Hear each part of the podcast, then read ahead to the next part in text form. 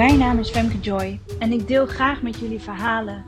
Verhalen over situaties die ik heb meegemaakt. Die me altijd weer lieten zien wie ik werkelijk ben en dat ik niet alleen ben.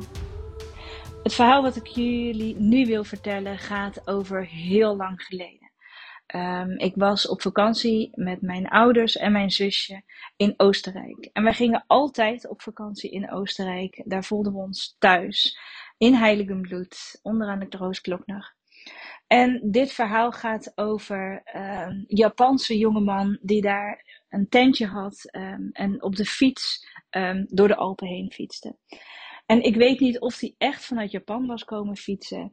Uh, maar feit was dat hij geen uh, Engels sprak en nou ja, alleen maar Japans kon. Dus als we hem tegenkwamen, uh, dan uh, groette hij zo heel netjes. En uh, nou, ik kwam erachter dat hij nou, op de fiets was en in zijn eentje.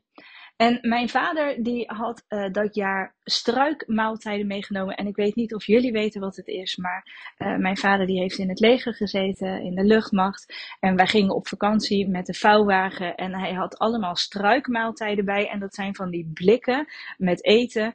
En die heb je in een paar verschillende smaken. Uh, goulash, geloof ik. En uh, nou, ik weet het niet, chili con carne. Um, geen culinair hoogstandje. En we kwamen er al heel snel achter dat in alle blikken dezelfde tomatensaus zat. Dus eigenlijk smaakte het allemaal hetzelfde. En dus mijn moeder die had al heel snel bedacht dat mijn vader vooral die struikmaaltijden maar op moest eten. Um, maar toen regende het op een gegeven moment. En, uh, en die man die... Um, uh, had wat van onze struikmaaltijden gekregen. En die was dat aan het opwarmen uh, voor zijn tentje. En hij had zo'n heel klein pubtentje, wat in, natuurlijk in zijn fietstas kon. En ik liep van het toiletgebouw terug naar onze tent. En wij hadden een Japanse gast gehad, lang geleden in huis. En die had ons geleerd hoe je eet smakelijk op zijn Japans zei. Dus ik liep langs zijn tent en ik zei tegen hem itadakimasu. En dat betekent eet smakelijk in het Japans. En hij groette mij en ik voelde dat er iets gebeurde. En ik vond hem altijd een beetje verdrietig. Hij voelde wat eenzaam aan. En um, nou, hij, ik, ik, ik, um, hij wenste hem een smakelijke maaltijd en ik liep uh, terug naar mijn tent. En um, een dag later uh, waren wij al vroeg op pad.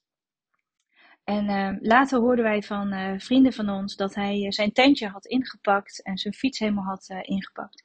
En wij kwamen later die dag terug op de camping. En hij had een hele tijd bij zijn fiets staan wachten.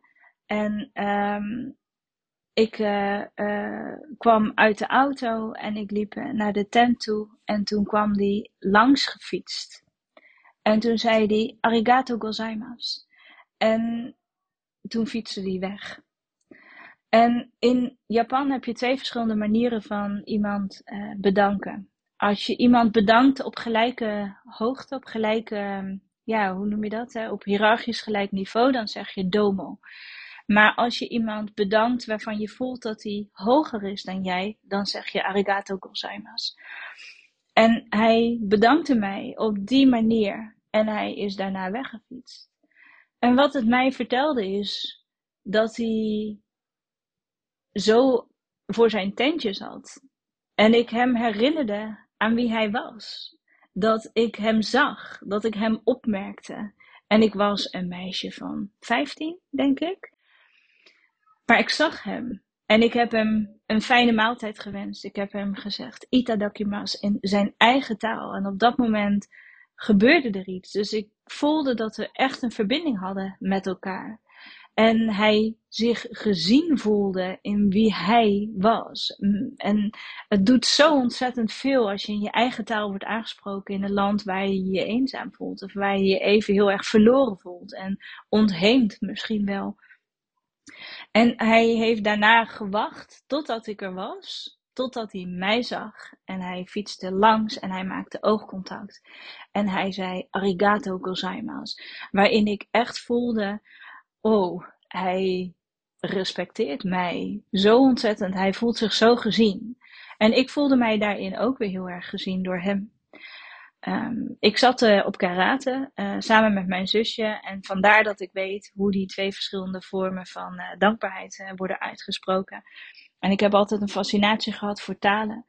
Um, en dit is me heel vaak opgevallen. Weet je, in, in Ghana is het ook mensen die vinden het heel erg fijn als je ze in hun eigen taal aanspreekt. En de moeite doet, hè, echt de effort doet om in hun eigen taal iets aan hun te vertellen of om dankjewel te zeggen. Um, het is voor mensen die bedelen op straat in, uh, in Ghana of die iets verkopen op straat, is het zo fijn als je in hun taal kan zeggen: nee, sorry, dankjewel, ik heb het niet nodig. En in, in, als ik dat in het Engels zeg, dan ben ik een toerist of, een, of iemand die, uh, die daar iets komt doen, die, die gewoon het niet wil. En dat, dat kunnen ze zelf zeggen in Ghana. Hè? Kijken, kijken, niet kopen, zeggen ze dan in het Nederlands tegen ons. Maar als ik in het Ghanese zeg kafra, debi, medasi, en dan zeg ik in hun taal, sorry, ik, nee, dankjewel, ik heb het niet nodig. Dan, dan zie je ze opbloeien van, wow, oh, je neemt de moeite om in mijn taal aan te geven dat het je spijt dat je het niet gaat kopen, omdat je het niet nodig hebt. En dat, ja, dat is gewoon een totale verandering. Dus het is, het, daar heb ik ook al vaker podcasts over ingesproken, elkaar zien en elkaar echt zien voor wie je werkelijk bent. Niet een toerist op een fiets die in Oostenrijk een beetje rond aan het fietsen is, ladida.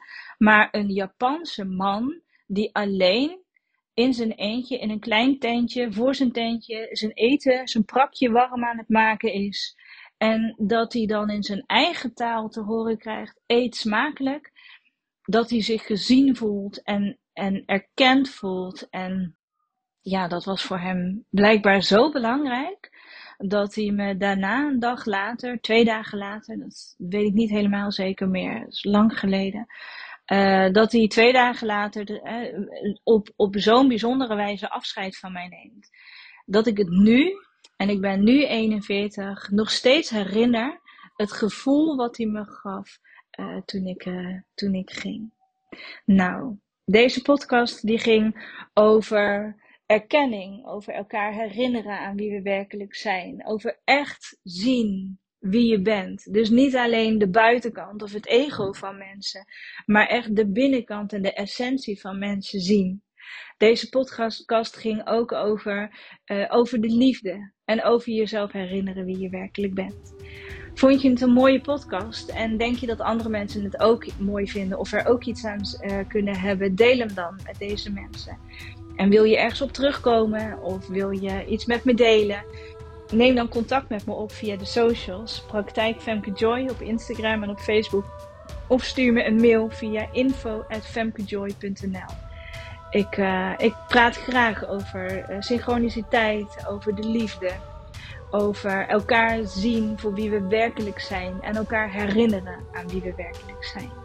Dus wil je het daarover hebben of wil je iets met me delen? Wil je iets vragen of heb je een opmerking? Schroom niet. Ik hoor je ontzettend graag. En nog een hele fijne dag.